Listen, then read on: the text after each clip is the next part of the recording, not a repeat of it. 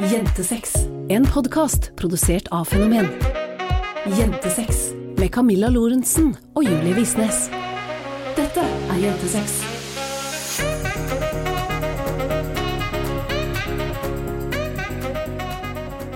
Hallo alle sammen, og velkommen tilbake til en ny episode av din favoritteste favorittpodkast i hele verden, nemlig Jentesex. Podkasten hvor vi snakker om sex, seksualitet, selvfølelse og samliv. Er det det vi prater om? Vi Ja. prater i hvert fall om litt forskjellig. Ja, jeg tror det var de tingene der. Nå datt det helt ut. Eh, Nå glemte jeg helt hva vi Ja, det var noe i den duren. Camilla har øvd på den introen her nå i en ukes tid, og derfor så fikk hun litt prestasjonsangst. Det er faktisk ikke usant. Fordi jeg har ligget eh, Vi har jo eh, fått tilbakemeldinger på at vi må presentere oss bedre i introen. Så nå har jeg øvd så mye at jeg glemte hva jeg skulle si. Og det du skal si, er at til de som er nye her, så Ja, heter først- jeg Julie. Og jeg heter Camilla. Ja. Og vi er Vi er ikke bare kollegaer og bestevenner. Vi er også hundemammaer og kjærester. Var det det jeg skulle si? Ok. Var det bra? Jeg har litt å gå på. Du har nok litt å gå på, ja. Ja, Men til alle dere som er nye her inne, så eh, ja, vi er jo først og fremst kjærester nå. Ja, Vi var først og fremst bestevenner før. ja og kollegaer, da. Kollegaer har jo vært hele veien. Så Ja, først og fremst så starta vi vel som kollegaer, og så ble vi bestevenner, og så poff, så ble vi kjærester. Og hvis du vil vite hvordan det gikk til, så har vi jo forklart det i hele første episode. Der eh, kommer jo jeg litt dårlig ut, men det står jeg godt i. Det bør du. Det bør jeg. Ja. Eh, nå ble jeg helt altså, opptatt av denne introen. Så Ja, det går helt fint. helt I dag så skal vi snakke om parterapi, Camilla. Å ja. Oi, wow. Jeg liker når du tar litt mer sånn ansvar som det her. Fordi Da kan kjenner- vi chille litt. Ja, da kan jeg chille litt. Da kan jeg dras litt mer videre innover. Ja, vi, skal, vi har jo faktisk vært i terapi sammen i dag. Ja, Og ja det- så Vi har jo ikke vært i, i parterapi sånn egentlig, men jeg går jo til psykolog en gang i uka, og så foreslo hun forrige, forrige gang eh, om jeg ikke ville ta med deg den gangen her, så det gjorde vi. Og det har vi altså gjort i dag. Og vi skal snakke mer om det litt seinere i episoden. Men eh, før vi kommer så langt, så må jeg bare få si at av en eller annen grunn så føler jeg også at vi har kommet så sjukt mye nærmere hverandre den siste uka. Hæ? Ja, og jeg veit ikke helt hvorfor. Om det er liksom Vi har liksom snakka sammen og, og kosa så mye mer og nussa så mye mer og ligget litt mer og Det har vært så god stemning, syns jeg. God stemning? Ja. Opp og nikker? Ja. Ø, ø, ø, opp og nikker. Nå er det åpenbart en kveldsinnspilling igjen, for dere som lurer. Men syns ikke du det? Jeg har faktisk ikke lagt så veldig merke til det. Er det feil svar? Jeg har, jeg har lagt merke merke til det. Det fins ikke noe feil svar, har jeg lært. Du skal skal ja. si det du føler. Eh, nei, jeg har, ikke, jeg har ikke tenkt så veldig mye over det. Jeg syns vi har vært ganske nære hele tiden. Ja. Men siden du åpenbart syns at vi har vært ganske langt fra hverandre, så, så setter jeg pris på at du har kommet dit hvor jeg har vært hele tiden. Dette har jeg lært at det heter blaming. Og det, Nei, det det er det ikke. Dette er jo ikke blaming. Blaming er jo Ja, når ja. Greit, vi kan snakke om det etterpå. Jeg har allerede skrevet opp. Hva er dette da? Bare passiv-aggressivt, det da. Ja. Ja, greit. Det er jo helt greit. Nei, men jeg veit ikke. Jeg bare føler at det har vært liksom så god stemning, og, og vi har ledd mye og tulla masse, og bakt boller midt på natta. Herre gode gud. Vi skulle jo bake boller, var det i forgårs? Ja. At vi bestemte oss klokka ni på kvelden for at vi skulle bake sjokoladeboller. Så leste jeg jo oppskrifta at dette tar tre timer, men det fant vi ut at det går jo fint, for det er jo tross alt påskeferie. Så det kjøtta vi i gang med. Eh, og så bestemte Julie seg for at hun skulle dekorere altså disse bollene som en fem år gammel gutt som hadde fått fritt eh, utspill i godteriskåla. Og det er altså de sjukeste bollene. Jeg visste ikke at marshmallows og bamseboms og surt godteri kunne smelte sammen i en så herlig forening, men det kunne det. Jeg syns ikke det var så ille. Det var bare den ene, fordi at jeg, jeg tok en bolle tok jeg liksom med marshmallows og bamsemums og litt div, og så tok jeg med marsipan og sånn. Den var jo prima. Den har du ikke smakt på ennå. Jo, jeg smakte litt. Har, det har du? Eh, Ja. Ok, greit. Men uh, den som jeg tok en sånn geléhjerte på toppen på, den ble ikke helt bra, fordi at det geléhjertet smelta jo utover alt. Og så tenkte ikke jeg at det var et sånn surt gelégodteri, eh, så det ble en sånn sur greie på toppen av gjærbaksten der, og det, det, det var ikke bra. Nei, det var ikke det, men, eh, Men vi, det var gøy, da! det var veldig gøy. Og så smelta vi godteri i ovnen etterpå og spiste det òg. Ja. Det var enda morsommere. Da la vi alt godteriet vi fant i Vi har jo vært i smågodthylla før påske. Vi var veldig redd for at det skulle gå tomt på Meny i snophylla. eh, Som har et veldig rikt utvalg, noe vi setter pris på. Så vi fylte jo opp to godteposer med altså til randen med smågodt. Og har nå smeltet dette i ovnen som de to små barna vi er. Ja. Og det var skikkelig hyggelig. Det var Nei, gøy. Jeg føler bare, altså Nå høres jo helt sikkert dette helt feil ut, det skjønner jeg jo når jeg tenker det opp i hodet mitt, men jeg sier det likevel, jeg da, siden vi er for åpenhet her inne. Du har vært så blid, og du har smilt så mye og ledd så mye òg. Du har Sier du at jeg er sur ellers? Jeg sier ikke at du er sur ellers, men jeg sier at det har vært en litt tung vinter. Ja, men det er fordi jeg har vinterdepresjon, Camilla. Ja, ja, men jeg sa ikke Ja, men ikke sitt her og fortell meg at du liker meg bedre når jeg ikke er vinterdeprimert. Da må du jo ta meg med til et annet land hvor det er sol og varme på vinteren. Ja, det veit jeg jo, og det ville jeg jo ha gjort hvis jeg hadde muligheten til det. Ja, du hadde jo muligheten til å flytte til Bali for eksempel, og ikke komme tilbake før korona var over, men den muligheten tok du ikke. Jeg prøvde i hvert fall å si at jeg setter pris på at du har vært blid, men det skal jeg ikke gjøre. Jo da. Det, er det ufint. Nei, nei, nei, nei. Det er vel ikke ufint, men det er litt sånn, å, ok, så liker meg ikke resten av året. Jo, det gjør jeg jo. Det var ikke det jeg mente. Burde du såra? På ekte? Nei. Nå ble jeg sånn Jeg sa ikke noe feil feil. Nei, nei, Så det var ikke sånn at du kjente det stakk i hjertet, liksom. nei. Men føler du sjøl at du har vært blid den siste uka? Mm, I går hadde jeg angst herfra til helvete, da. Ja, det hadde du. Eh, Så jeg vet liksom ikke helt. Altså, jeg er jo nattmenneske, og når jeg får være våken på natta, så er jeg generelt ganske blid. Uavhengig av årstid. Men um, Er det der det ligger? ja. Fordi det har jeg sagt deg mange ganger. Hvis Ja, jeg får sove til tolv og være våken til tre, så er jeg knallfornøyd. Men du husker også at jeg har veldig vanskeligheter for å lære meg ting. Ja. Altså, jeg har veldig store vanskeligheter for å legge sammen to og to. Jeg lurer på hvor mange ganger du har sagt til meg 'du må da forstå at'. Nei, det gjør jeg definitivt ikke. Og du sier også 'jeg har sagt dette', quote, fem millioner ganger. Det er det du pleier å si, men jeg får det ikke alltid med meg. Nei. Så jeg trenger på en måte å, å lære det sånn i, i- praksis, tror jeg, før jeg på en måte skjønner det ordentlig.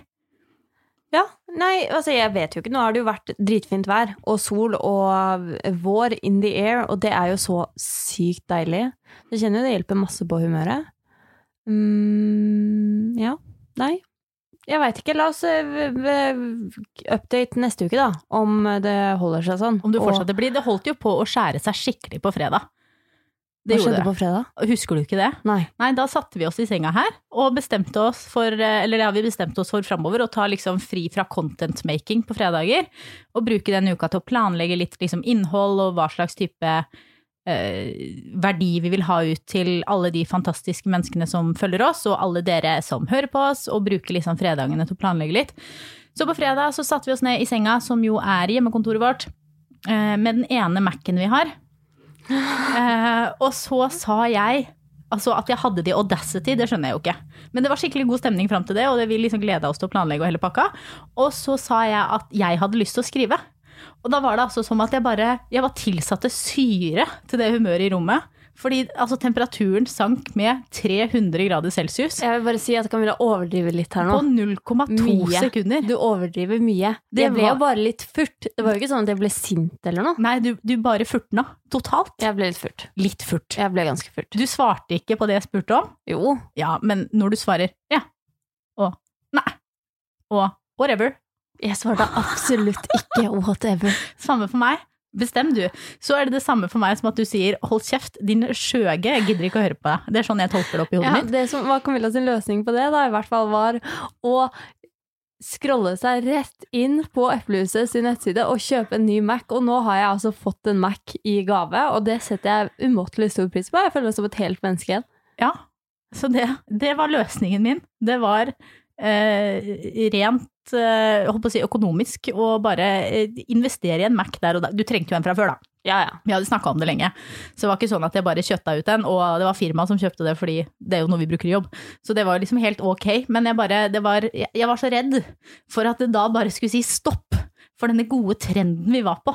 At da var det bare altså rett inn og investere eh, for å redde forholdet, og det tenker jeg det var en god investering. Ja, nei, og så føler jeg også at kanskje den siste uka at jeg har på en måte gjort eller funnet meg selv litt mer på jobb.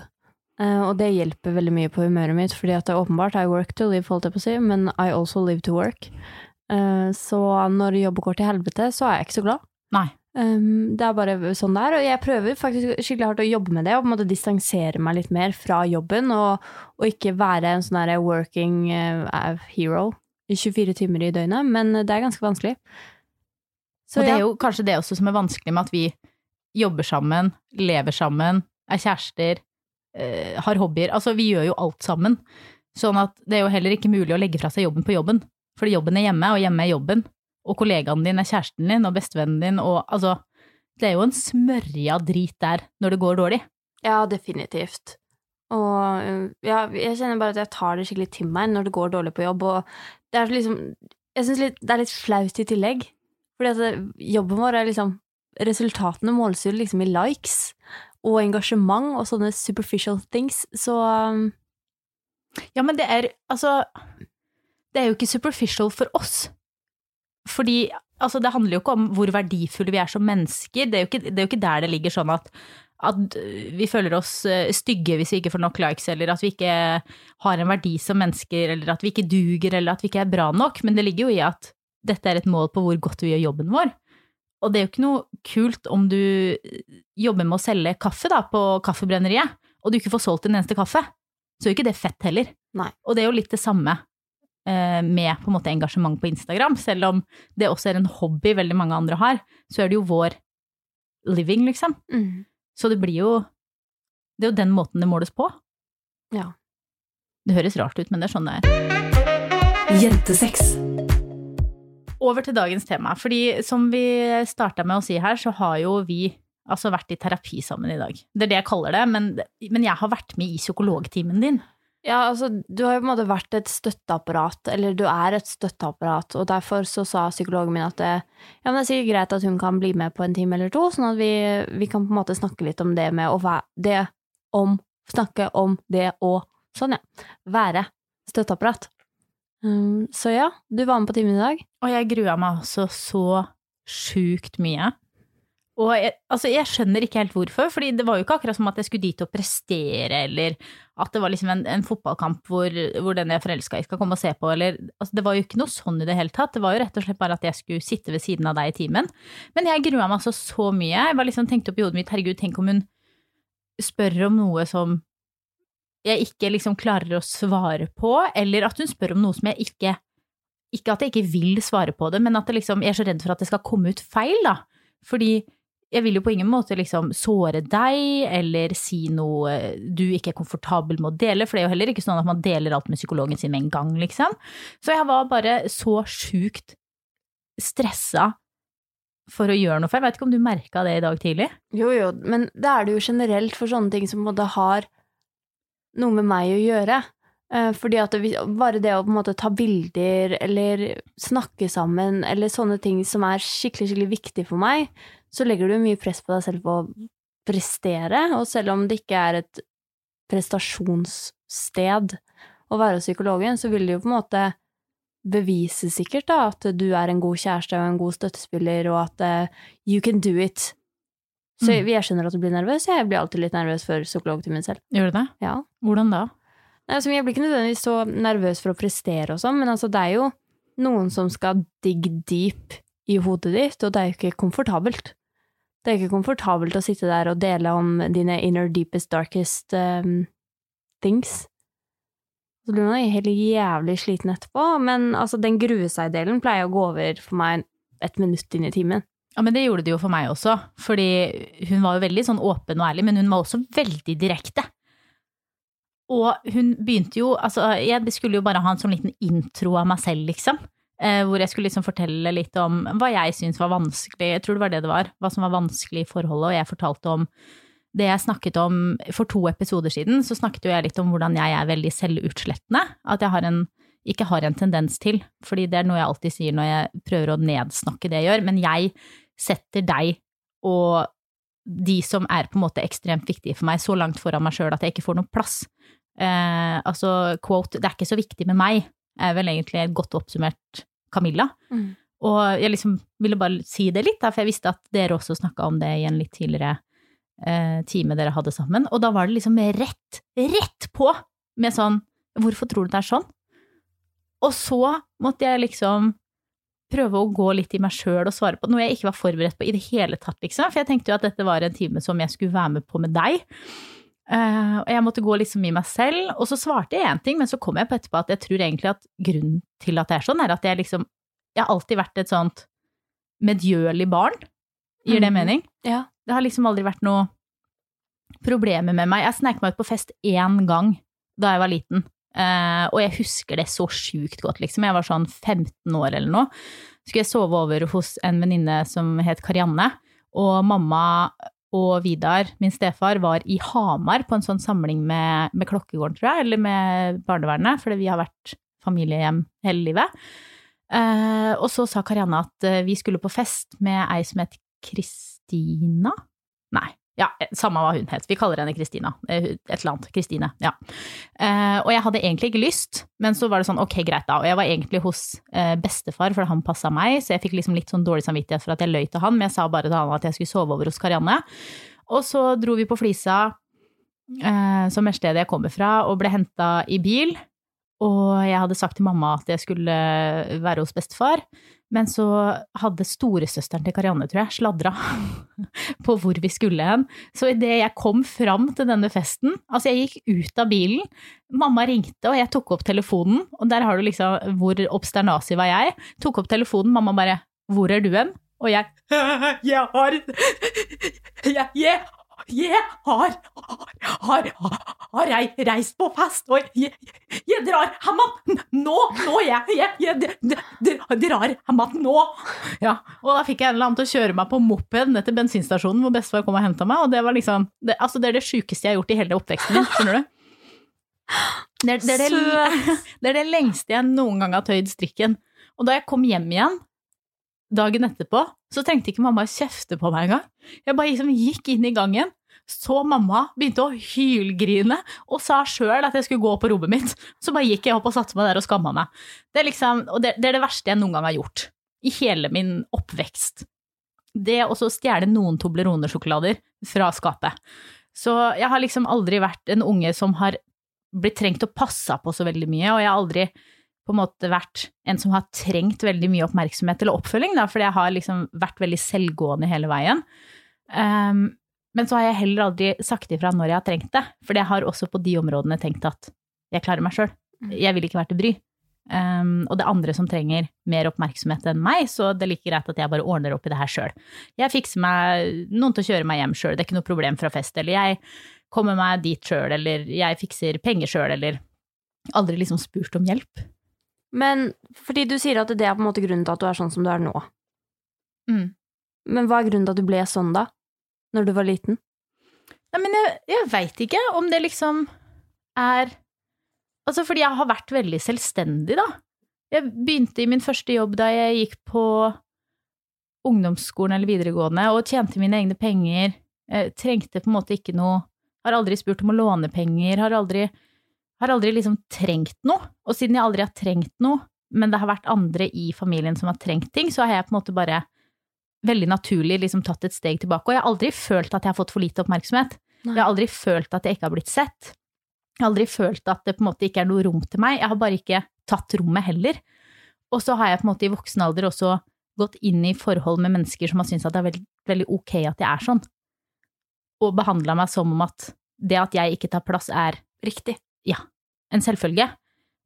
Og da har jeg jo heller aldri klart å ta den plassen i voksen alder, skjønner du hva jeg mener? Ja, jeg skjønner kjempegodt hva du mener. Sånn at det liksom har blitt et sånt mønster jeg bare handler etter, da. Det ligger bare altså latent i meg å være sånn.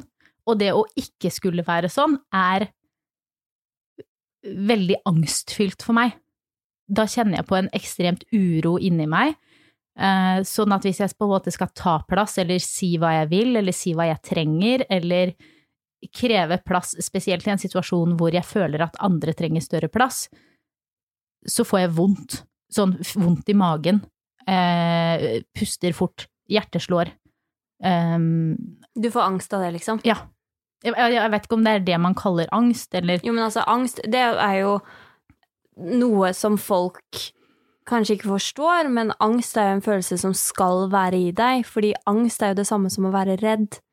Um, så når du, du skal ha den, den følelsen i kroppen når det på en måte skjer noe som som du skal bli redd for. Eksempel hvis du går i skogen da, eller du møter på en tiger, så skal hjertet ditt begynne å slå fortere. Du skal få den der adrenalinfølelsen, og du skal få angst fordi at det, du skal bli redd for at du skal overleve. Um, Men det som er litt problemet med, med det nå, er at det, hjernen vår skaper på en måte en angstreaksjon på noe som ikke er farlig. Som i utgangspunktet ikke skal være Og så er det, altså, det er forskjell på å ha angst og ha en angstlidelse, fordi at det, det er i hvert fall psykologen min som sa til meg at eh, angst er bare å være redd. Du er liksom redd, um, og det er jo aldri sånn at man sitter her og sier sånn å, jeg vet ikke helt om jeg skal si at, at jeg er redd, men ja. Men du kan helt fint ha angst uten å ha en angstlidelse, og det er jo helt normalt. Mhm. Ja, men hun begynte i hvert fall rett på med det, og det syns jo jeg var veldig skummelt, fordi da, da følte jo jeg igjen at jeg tok opp din plass. Fordi dette var jo din time. Og jeg så på klokka klokka 11.42, vi begynte klokka 11.30, og jeg bare nå må vi slutte å prate om meg, for nå bruker altså jeg opp hele timen til Julie, og dette er jo hennes time, og det er hun som er her, og nå tar jeg altfor stor plass. Så da fikk jeg jo et lite rush av angst der òg. Så det var jo fint for meg. Men eh, vi kom jo ganske kjapt over på hva, hvordan det var for meg, da. Ja, og det, Og mine ting og mine samtalegreier og sånn, men Du føler ikke at jeg tok alt? Nei, nei, nei, herregud, men jeg syns jo det hadde vært rart hvis du skulle vært med og dere ikke skulle snakka om deg på noe som helst måte, fordi at eh, dine reaksjoner på det jeg sliter med, eller det jeg syns er vanskelig, er også prega av det du syns er vanskelig, og det du sliter med, så hvis man på en måte ikke klarer å, å være ærlig på begge, for begges del, da, så kommer man jo aldri til å finne løsningen på ting heller. Nei, og så syns jeg jo det var veldig fint at vi på en måte runda av den praten om meg, eh, med at hun ga noen tips til hva vi kunne gjøre. Fordi det er jo på en måte, holdt på å si, veldig sånn konstruktiv tilbakemelding å få, da. Og jeg, vi har jo fått masse tilbakemelding fra dere eh, siden den episoden hvor vi snakket om det å være selvutslettende, om at det er så mange som kjenner seg igjen. Og derfor så tenkte jeg også det var fint om vi kunne dele det tipset vi fikk i dag. Fordi altså, det er jo dessverre sånn at for å slutte med noe, så må man på en måte øve på å slutte med det. Jeg må øve på å, å klare å si fram hva jeg trenger, og også øve på å, å gjøre det jeg vil, selv om jeg kanskje aner en sånn liten tension i lufta av at det ikke er akkurat det du vil. Så da sa jo eh, psykologen til oss at jeg fikk lov å spørre om det var greit at jeg gjorde det jeg ville en gang til, men da var det din jobb å ta ansvar dersom det ikke var greit. At det var sånn, hvis jeg sier at ja, jeg har litt lyst til å gå ut på tur nå, er det ok for deg om jeg går? Og du svarer sånn, ja, ja, det går helt fint. Og så føler jeg at det ikke er helt det du mener, fordi jeg føler at det er noe du vil prate om, eller jeg føler at du har lyst til at vi skal gjøre noe annet, eller så har jeg en tendens til å bare bli hjemme. Fordi sånn er jo jeg. Selv om jeg da sitter på senga og gjør akkurat det jeg gjorde når Camilla skulle dra. Ja. Det hele den tiden hun kunne vært på tur. Ja. Det, det stemmer. Det er ikke din skyld. Men Å, da, nei, nei, det var ikke det jeg mente å, å si heller, at det vil ta bort skylden fra meg eller noe, men um, det er på en måte For at folk skal kunne kjenne seg igjen i det, da, så er det ikke sånn nødvendigvis at at det har vært noe, Nei. eller at det er sånn ja, ja, whatever, gå, herregud, selvfølgelig gå på tur. At hun har lest noe inn i de ordene som ikke er der, og så har hun spurt ja, men hva er det, er det noe galt? Og så har jeg sagt nei, er du, herregud. Um, og så har hun trodd at det er noe galt likevel. Um, så hvis noen på en måte er i den samme situasjonen at partner sier nei, bare gå, det går helt fint, og fortsetter med tingene sine, eller whatever, så er på en måte situasjonen lik. Ja. Eh, Fordi at man kan tenke at ja, ja, men Julie har jo sykt mye angst, og Julie er jo, har PTSD, og Julie, så Julie trenger sikkert at Camilla egentlig er hjemme. Julie trenger sikkert egentlig det, og, og shit, ja, det er ikke helt det samme for meg, men ja. Jeg vet ikke om det ga mening i det hele tatt. jo, jo, men jeg var sånn i, i mitt forrige forhold også, og da var det jo heller ingenting. Nei. Det var ingen grunn da eller til at jeg skulle være hjemme eller ikke gå på tur, eller Nei, nei jeg hadde så jeg ville bare på en måte ja. få fram det for at folk um, ikke trenger å overtenke inn at det, det i tillegg. Nei. Men da fikk jeg i hvert fall beskjed om at det jeg da skal gjøre i framtiden, er å spørre en gang til, sånn type sånn Du, nå hører jeg at du sier at jeg kan gå på tur, men jeg føler at det ikke er helt det du mener. Så jeg vil bare spørre en gang til om det er greit at jeg går på tur, eller om du vil at jeg skal være hjemme og prate med deg, for da gjør jeg gjerne det. Og da legger jeg ansvaret på en måte over på deg, sånn at hvis det er noe du trenger der og da, så er det din jobb å kommunisere det ut. Og på den måten så tar jeg på en måte litt ansvaret bort fra meg sjøl, og det syns jeg var veldig fint. Fordi da får jeg litt sånn håndgripelige ting å, å gjøre, da, som gjør at jeg kan jobbe med det. Så jeg bare tenker nå at jeg vil også til psykolog. Ja. Egentlig. Ja, men det er jo bare å booke en time, det. Jeg veit ikke om jeg tør det helt. Hvorfor ikke? Nei, Hva er det som er redd, eller hva er det du er redd for? Hva er skummelt med å gå til psykolog? At da blir mine problemer viktigere. At da skal vi plutselig bruke masse tid på å snakke om meg og min eh, utvikling og, og mine ting. Tid som vi kunne brukt på å snakke om deg, og som kunne gjort at du følte deg bedre. Men det er jo ikke noe sånn at fordi du går til psykolog, at jeg ikke kan gå til psykolog like mye som jeg allerede gjør. Nei, men da kanskje du føler at, at jeg er viktigere enn deg, og det er jeg ikke. Hæ? Ja, det, Men den mentale helsen din er vel like viktig som den mentale helsen min? jeg hører at du sier det. Hva er det som skjer inni deg siden du tenker eller, eller sier det sånn som du sier det nå? Nei, jeg bare Jeg vet ikke, da føler jeg at jeg tar liksom din spot. Men føler du ikke at du er viktig? Du tar jo ikke min spot når det er to spotter der som vi kan dele. Nei. Jo, jeg føler at det er viktig. Jeg bare Vet ikke om jeg føler at kanskje du er litt viktigere. Ja, men hvis du Si at du føler at jeg er viktigere, da. Um, så skal jeg Det er ikke sånn at fordi du skal gå til psykolog, at jeg skal trappe ned på psykologtimene mine. Nei, det er et godt poeng. Jeg, jeg har ikke noe svar til deg. Jeg skulle gjerne ha hatt noe sånt smart å si nå. Nå kjenner jeg at nå er jeg hos en ny psykologtime. Nå blir jeg stressa. Lite grann, faktisk. Ja, men hva er det som Hvorfor? Hvorfor har du ingenting å si? Ja, jeg veit ikke hva jeg skal si for noe. Du, for det første så liker jeg din psykolog. Men det, Det- finnes jo mange psykologer, Camilla. Ja, men nå liker jeg din psykolog. Okay. Og da blir jeg redd for at, at du skal føle at vi ikke egentlig kan gå til samme psykolog, for eksempel. Og så tenker du at du må slutte. Nei, hvorfor skulle jeg tenkt det? Vet ikke. At jeg må slutte? Ja. Hvorfor det? Nei, jeg veit ikke. Det tenker jeg vel ikke i det hele tatt. Det har ikke falt meg inn engang. Er det ikke Altså, så fordi Hvis vi skal trene sammen um, Eller før så var det jo bare du som trente. Jeg var ikke så veldig god til å trene før. Nå har jeg blitt litt bedre. Wow. Um, men fordi jeg skal begynne å trene, så må du slutte. Fordi at det er ikke plass til to stykker på treningssenteret. Nei. Hvorfor ikke det? Nei, det Nå føler jeg meg dum. Ja. Skjønner du? Ja, men du, eh, du trenger ikke føle deg dum. Altså, det er jo All feelings are valid, men det er jo ikke sant. Du må jo kontre de tankene med at det ikke er sant. Jeg skal kontre de sankene med at det ikke er sant. Kanskje jeg burde begynne hos psykolog, da. Ja. Ja. Det høres litt skummelt Jeg ut kan for sende meg. en melding til Trine for deg. Ja. Det kan du. Ja. Ja, da, da skal jeg begynne hos psykolog, folkens. Det var jo fint. Da fant vi ut av det. Jeg tror jeg hadde litt godt av det. Alle har jo godt av det. Tror du? Ja.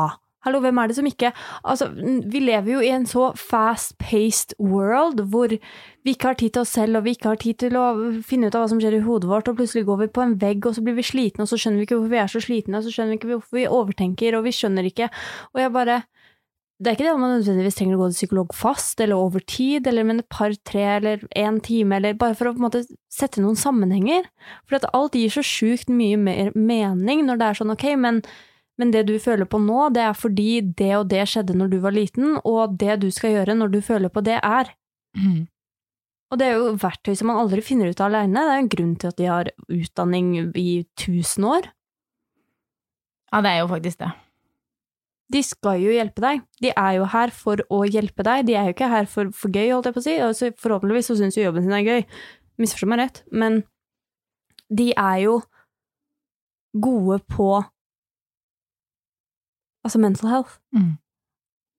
Og jeg er bare så lei at vi ikke tar vare på den psykiske helsa vår på samme måte som vi tar vare på den fysiske. Fordi at hadde du brekt beinet, så hadde du gått til legen.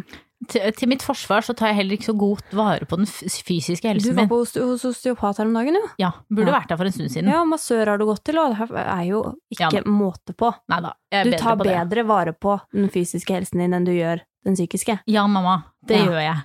Det er greit. Men hvordan syns du det var å ha med meg til psykolog, da? Det var null stress. Var det digg? Var det fint? Var det, var det ok? Var det Nei, altså Følte du at du kunne snakke like fritt som vanlig? Ja, ja, absolutt. Eh, men det tror jeg også er fordi at vi har snakka gjennom alle disse dype tingene og alle tingene før. Altså sånn per nå så vet jo du mer enn psykologen min. Mm. Sant? Så det at jeg på en måte deler ting du allerede vet foran deg, har jo ingenting å si. For det er ikke sånn at jeg har noen hemmeligheter for deg, eller at jeg skjuler noen ting for deg, eller, eller sånn. Men hadde jeg gjort det, så hadde det sikkert vært verre.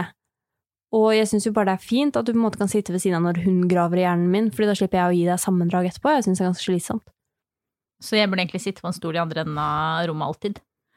Ja, eller Det trenger du sikkert ikke, da. Men um, Men jeg, jeg, jeg syns jo det er veldig ålreit at av den personen som jeg snakker mest med, eller den eneste personen jeg snakker med, basically, um, om disse tingene utenom psykologtimen, vet hva slags progress jeg har in therapy, og hvilke verktøy jeg får for å deale med mine ting, og, og altså, vi lever jo i et samliv, og vi har jo alle disse rollene som på en måte krasjer over i hverandre, så jeg syns det er ålreit at du vet, og jeg hadde jo gitt deg et sammendrag uansett, så det er like greit at du bare sitter der og er med, og fordeler dine tanker og dine synspunkter, og noen ganger så kan du på en måte se ting. Hun spurte deg jo i timen, du kjenner Julie ganske godt, kanskje du kan Mm. hjelpe henne med å finne ut hvorfor hun reagerte som hun reagerte da, for jeg hadde en sykt angst i går, um, og så skjønte jeg ikke hvorfor. Um, og da spurte hun jo deg, hva tror du? Sant? Jeg klarte å svare riktig òg. Mhm. Eller om det er et riktig svar, er det vel ikke, da, men Nei. jeg klarte i hvert fall å, å sette noen koblinger. Ja, jeg syns det var nice. Herlig. Syns du? Ja, jeg syns det var skikkelig fint, og, og så tror jeg ofte jeg føler på en måte når jeg får sammendrag, at jeg får sammendrag. Um, og er litt sånn, herregud, tenk om jeg har gått glipp av noe, om dere har pratet om noe som egentlig burde visst. Altså ikke sånn at du må fortelle meg alt hvis det er noe du ikke vil fortelle, for du har jo så klart lov til å ha ting mellom deg og psykologen din også.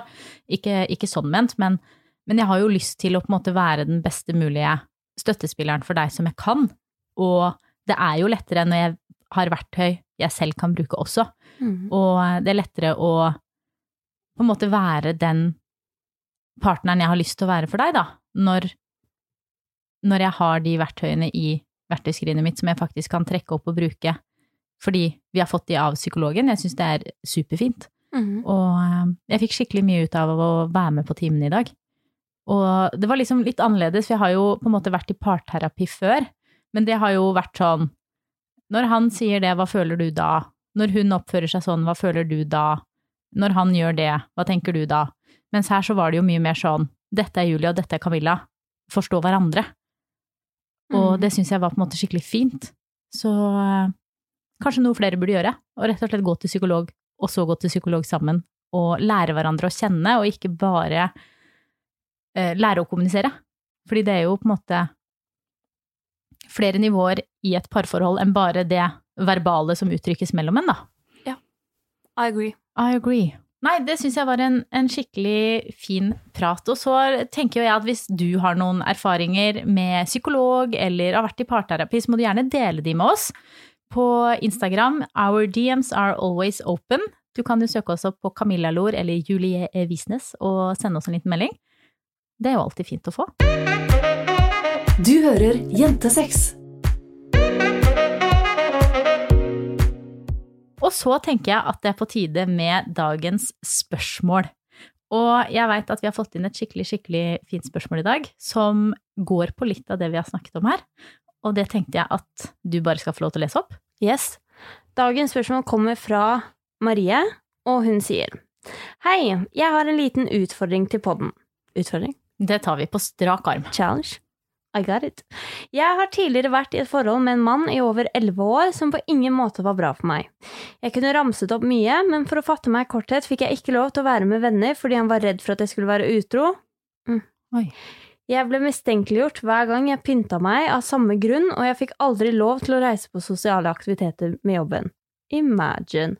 I tillegg til dette var det jeg som hadde ansvar for alt hjemme. Det var min jobb å hente våre barn i barnehagen, min jobb å lage middag, min jobb å ha kontroll på økonomien og min jobb å rydde hjemme. Jeg husker en gang jeg lå med 40 i feber og spydde som en gris, og jeg likevel måtte reise og hente i barnehagen fordi han heller ville sove. Altså, hvis du, ja, hvis du hadde gjort det, Julie, da hadde jeg mest sannsynligvis funnet det i meg. Fordi jeg er en selvutslettende person. Men innvendig hadde jeg blitt sinna. Å, fy faen. Jeg har heldigvis kommet meg ut av dette forholdet, og har i tillegg møtt, mød. Jeg har i tillegg møtt verdens mest magiske mann, som jeg nå er gift med. Jeg tror han må være utenomjordisk, fordi han gjør alt for meg med glede. Viser kjærlighet døgnet rundt og støtter meg i alle mine rare ideer. Det høres ut som en drøm, men her kommer problemet. Jeg sliter så vanvittig med å akseptere det positive. Jeg er så vant til å bli fortalt hvor grusom jeg er, at jeg ikke forstår at denne mannen gjør det han gjør for meg fordi han faktisk ønsker det. Jeg får dårlig samvittighet for absolutt alt, og har en typisk 'jeg klarer det selv'-holdning, fordi jeg ikke ønsker å overbelaste han med hverdagslige oppgaver. Er dette meg? Er det også meg? Og ja, er du den uh, utenomjordiske mannen, mener du? Nei. Dette resulterer i helt unødvendige diskusjoner. Jeg mener, hvor ofte hører du noen som krangler om å få lov til å støvsuge? Jeg vet det er teit, jeg vet hvor det kommer fra, jeg vet at han gjør alt han gjør av kjærlighet, men likevel er det en stemme inni meg som forteller meg at det må være en baktanke her et sted. For han kan jo umulig være så god, unik og fantastisk helt på ekte. Help! Åh, Marie. Altså, jeg kjenner meg jo for det første så godt igjen i Marie, fordi Altså, ikke fordi eh, nødvendigvis jeg har vært gjennom det samme, men, men den der å, å, føle at man ikke har lyst til å overbelaste den andre med, med hverdagslige oppgaver. Ja, men jeg, jeg også kjente meg så sykt igjen, fordi det var jo alt, uh, alt det her med trust issues og sånn som vi har snakka om uh, tidligere, som jeg på en måte har fra barndommen. At det blir liksom hele den der, ok, når skal hun vise the truth? The truth? Ja. Når skal... når skal hun reise? Når skal hun bare gå ut og si det er nok nå? Altså alle de følelsene der. Ja, for det er noe du har veldig. Ja. Men du også? Ja, ja men ikke trust issues. Jeg er jo på en måte den andre delen. Det der med å, å bare være den jeg klarer meg selv. Det er bedre om jeg bare fikser det. Um, altså, jeg kan like greit hente i barnehagen, og jeg kan ordne, og jeg kan eh, fikse og gjøre klart, så skal du slippe å gjøre noe som helst. Og ikke nødvendigvis liksom fordi jeg ikke vil at du skal gjøre det, men fordi jeg bare tenker at alt det her er litt stress. Så det er bedre om jeg gjør det, sånn at du slipper det stresset. Det er bedre om jeg bare tar på meg alle oppgavene. Jeg ordner alt og legger til rette for at det skal gå så smooth som mulig, sånn at du slipper. Altså, det er jo sånn jeg gjør, ja, det gjør du. alltid. Med altså, alt fra vasking til matlaging til liksom alt, at jeg bare gjør det fort ute for å hente noe, og jeg liksom bare legger til rette hele tiden. Mm. Og det er jo litt morsomt at det spørsmålet kommer akkurat i dag, fordi vi snakket jo med psykologen om disse tingene før i dag. Og hun stilte jo da meg spørsmålet, men Camilla, hva er det verste som kan skje? Hva er det verste som kan skje hvis du lar Julie gjøre disse tingene selv? Hva er det verste som kan skje hvis du gjør det du vil, i stedet for det du føler, tror, antar, kanskje muligens vil eh, tro at Julie har lyst til? Og svaret er jo at det er jo egentlig ingenting som kan skje. Det er jo scenarioer laget i mitt eget hode om at du da vil føle deg nedprioritert, at du vil føle at jeg ikke setter deg høyt, om at du vil føle at jeg ikke er den kjæresten du ønsker, sånn at da kommer du til å finne ut at du ikke vil være sammen med meg lenger. Det er jo på en måte ikke noe sannhet i de. Nei, også hvis det er sånn, ok, men hvis du spør meg om jeg kan gå ut med søpla, så er ikke det reason to dump you. Nei. Og noen ganger så oppfører du deg som at det er det. Ja, men det gjør jeg. det er liksom sånn der, Hvis jeg tar tak i søpla, så er det sånn nei, nei, herregud, jeg kan gjøre det. Jeg gjør det, jeg. Ikke tenk på det, liksom. Legg det fra deg. Gå og sett deg på sofaen. Og jeg bare bro, why?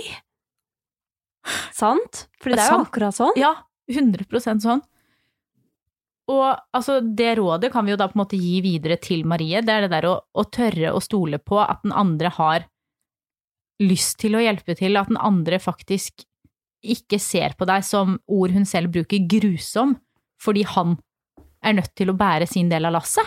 Nei, og så tenker jeg at det kan jo også være en idé sånn for deg, da, for eksempel, og Maria, å, sette seg inn i den følelsen du får når du gjør noe for meg, eller når du gjør noe for mannen din.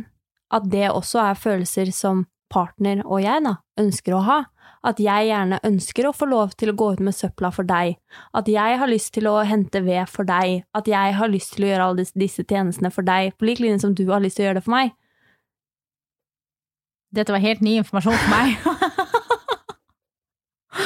det har jeg aldri tenkt på. Har du ikke? Nei, aldri i hele mitt liv noensinne. Nei. Fordi det, det går jo begge veier. Det er jo ikke sånn at du bare elsker meg, og du bare er forelska i meg, og du bare liksom At det gjør godt i hjertet ditt når du får lov til å gjøre ting for meg. Det er jo har- omvendt òg. Jeg har aldri, altså, og jeg kødder ikke, jeg har aldri tenkt den tanken at det er hyggelig for deg å kunne gjøre ting for meg. Det føler jeg, helt ærlig, at det er bare stress for deg. Ja, det er det i hvert fall ikke i det hele tatt. Ikke? Nei. Så det er fint. Ja. Ja, dette er veldig rart.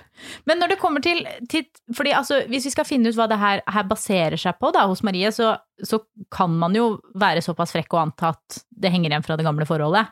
Ja. Hvor hun ja har blitt fortalt at hun må gjøre alt, hvis ikke så Ja, det varte jo elleve år. Ja, Så det, og det er lenge. Ja, det er dritlenge, og man får noen handlingsmønstre imprintert, holdt jeg på å si. Ja, over. Ja. Og, og da er det jo heller ikke rart at man får litt sånn eh, vanskeligheter med å tro på at disse handlingene faktisk kan være genuine, når man har blitt fortalt i elleve år at de er ikke det. Hvis jeg gjør dette, så er det altså det, det er det største inngripende du kan gjøre i mitt liv hvis jeg må hente barna i barnehagen. Jeg vil sove, og det vet du. Og her setter du liksom at du spyr over at jeg har lyst til å sove, altså er du helt idiot? Ja, ja men altså det er, jo, det er jo litt den beskjeden Maria har fått igjen ja, og igjen ja, ja, og igjen. Ja, det er jo, altså, for det første så er jo dette mental abuse. Ja. um, level 1000. Altså, dette er ikke ok, og det er eh, direkte skikkelig slemt, og, og ja, og heia deg for at du kom deg ut av det, fordi det er vanskelig, ass. Ja, skikkelig. Men, men hvordan jobber man med å forstå at man ikke er ubrukelig og en idiot? Nei, men altså, det, det er Der du kan sette deg inn i det andre, så kan jo jeg sette meg inn i det. For det på en måte er jo ting jeg har blitt fortalt uh, hver eneste dag siden jeg var kjempeliten, Uh, at uh, jeg er ubrukelig og en idiot. Så det sitter jo på en måte i meg, det også. Om det er jo en grunn til at jeg går til psykolog og prøver å på en måte finne ut av det. Men um, den kanelbollegreia Den er fin. Den der med at Det fortalte psykologen min til meg i forrige time, dette med at eh, jeg stoler ikke på at jeg fortjener kjærlighet, og jeg i stedet for å da fortjene kjærlighet, så eh, gjør jeg alle andre ting og på en måte dytter det unna. Og det er på en måte litt de tendensene jeg ser i det spørsmålet her også. Så det er den derre Hun sa til meg at ok, men se for deg at kjærlighet er en kanelbolle. Eh, og så Du vil jo spise kanelbollen når kanelbollen er best, eh, når den er varm. Men for å på en måte få kjærlighet og leve i kjærlighet, så må du jo satse. Så enten så kan du satse og stole på og høre på det mannen din sier til deg om at du er verdt det, og at du, du fortjener den kjærligheten du får, og at det han sier er sant, eller så kan du spise lunka, holdt jeg på å si, kald kanelbolle som ikke engang er varma i mikroen resten av livet. Fordi det er det som skjer når man ikke tør å stole på. Ja. Det er at denne kanelbollen er ikke varm for alltid. Det som skjer hvis du tør å spise kanelbollen med en gang, er jo at du får en ny kanelbolle hver dag. Du får en ny, rykende varm, fersk kanelbolle i henda hver eneste dag når du står opp, som du kan spise og nyte og kose deg med og meske deg med og bare velte deg i. Og hvis du ikke tør å stole på det, så får du en kanelbolle som blir kaldere og kaldere og tråere og muggen, altså til den blir borte av seg sjøl. Og jeg skjønner jo at det å tørre å stole på er vanskelig, men det er jo den eneste utveien. Og det er det som på en måte, i hvert fall jeg trengte å få slengt i ansiktet, er at ok, men det er den utveien du har. Du kan satse, eller så kan du leve i frykt for å satse for alltid. Hvis du vil være med dette mennesket, så er det liksom sånn ok, men da må du satse, eller så må du for alltid ha angst og være redd for å satse. Og that's harsh, Ja. men det er jo så sant. Ja, det er ikke noe gøy.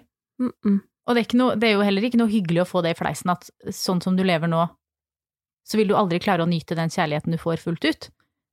Du vil aldri klare å på en måte ta til deg alle disse fantastiske tingene som kjærlighet kan være.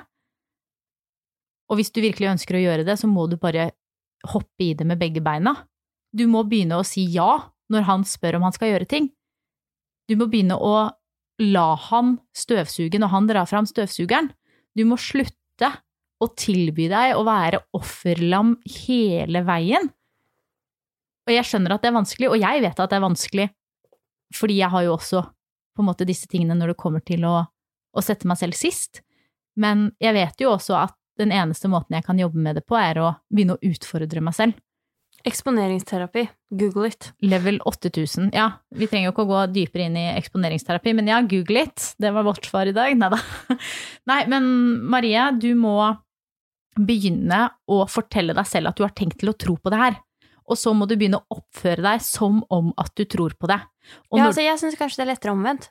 hvordan da? Oppfør deg selv som at du tror på det, og så begynner du å tro på det i hodet etter hvert. Ja. Ja, men du må fortelle deg selv at du skal begynne med det. Det var det jeg mente. liksom oh, ja, at sånn, nå, ja. nå skal jeg begynne, okay. og så må du på en måte oppføre deg som om at det er sånn du vil ha det. Du må begynne å si ja når han spør. Du må begynne å la han gjøre ting.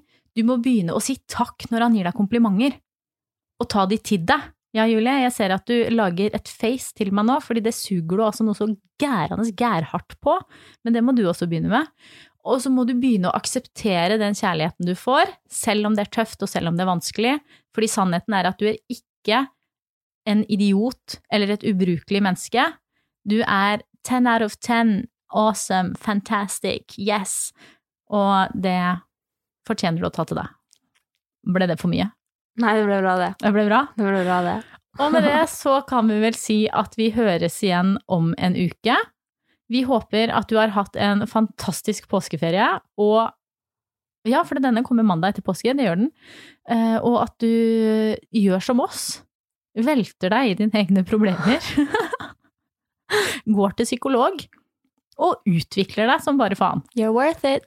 Gå gjerne inn på Instagram og følg oss under Camilla Lor og Julie E. Visnes. Og legg som alltid igjen fem stjerner i iTunes, fordi den psykiske helsen vår trenger det. Ok, vi høres. Ha det. Du har hørt Jentesex med Camilla Lorentzen og Julie Visnes. En podkast produsert av Fenomen.